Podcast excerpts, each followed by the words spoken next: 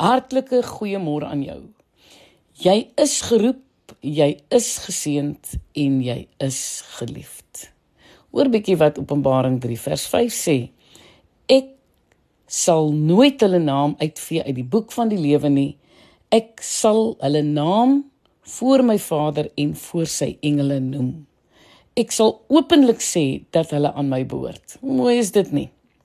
Nou ja, kyk, jou tyd is te kosbaar en jou opdrag te belangrik om deur die lewe te gaan met gedagtes aan wat jy nie het nie en wie wat ook al aan jou gedoen het. Man, dis 'n slenter van die vyand om jou aandag af te trek. Ja, hy wil hê jy moet jou energie vermors op dinge wat nie regtig saak maak nie.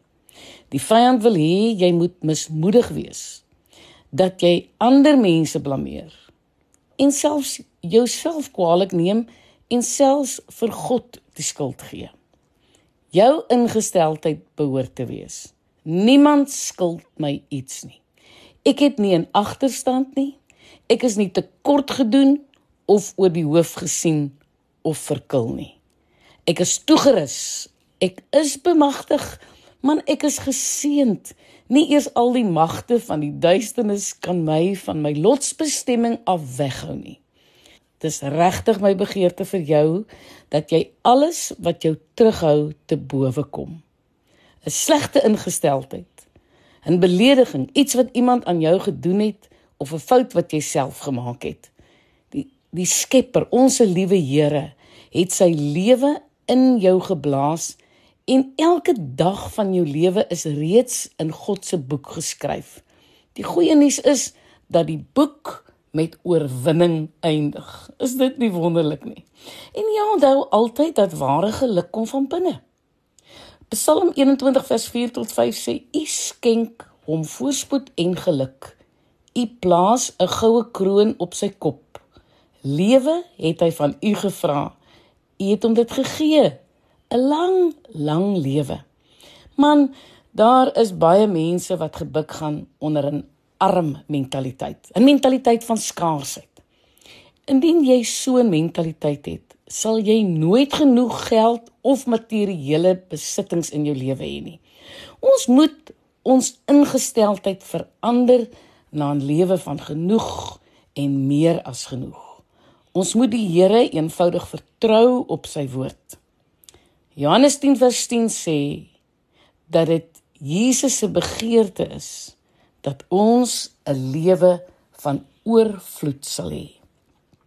Jy moet onthou dit is die dief wat steel, wat slag en vernietig.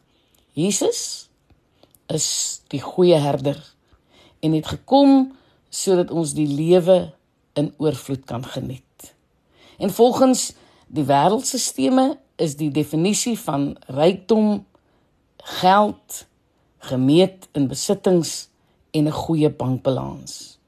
Wanneer jy rykdom meet in ander terme, sal jy sien dat daar mense is wat arm in besittings is, maar geestelik is hulle skatryk.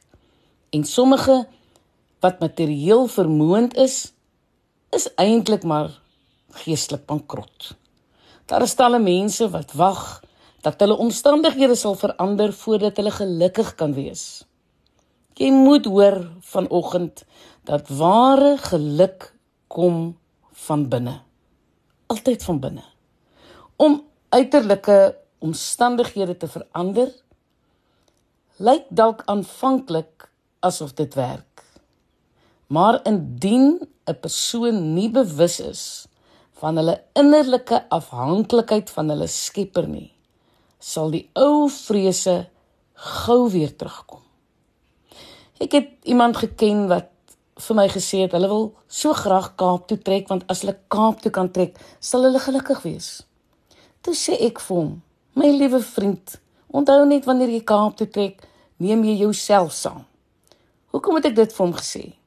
Omdat hy die heeltyd geluk op 'n ander plek gesoek het en nie besef het dat geluk eintlik van binne kom nie. Ware geluk kom altyd van binne. Ek is Lenet Beer vir Radio Kansel.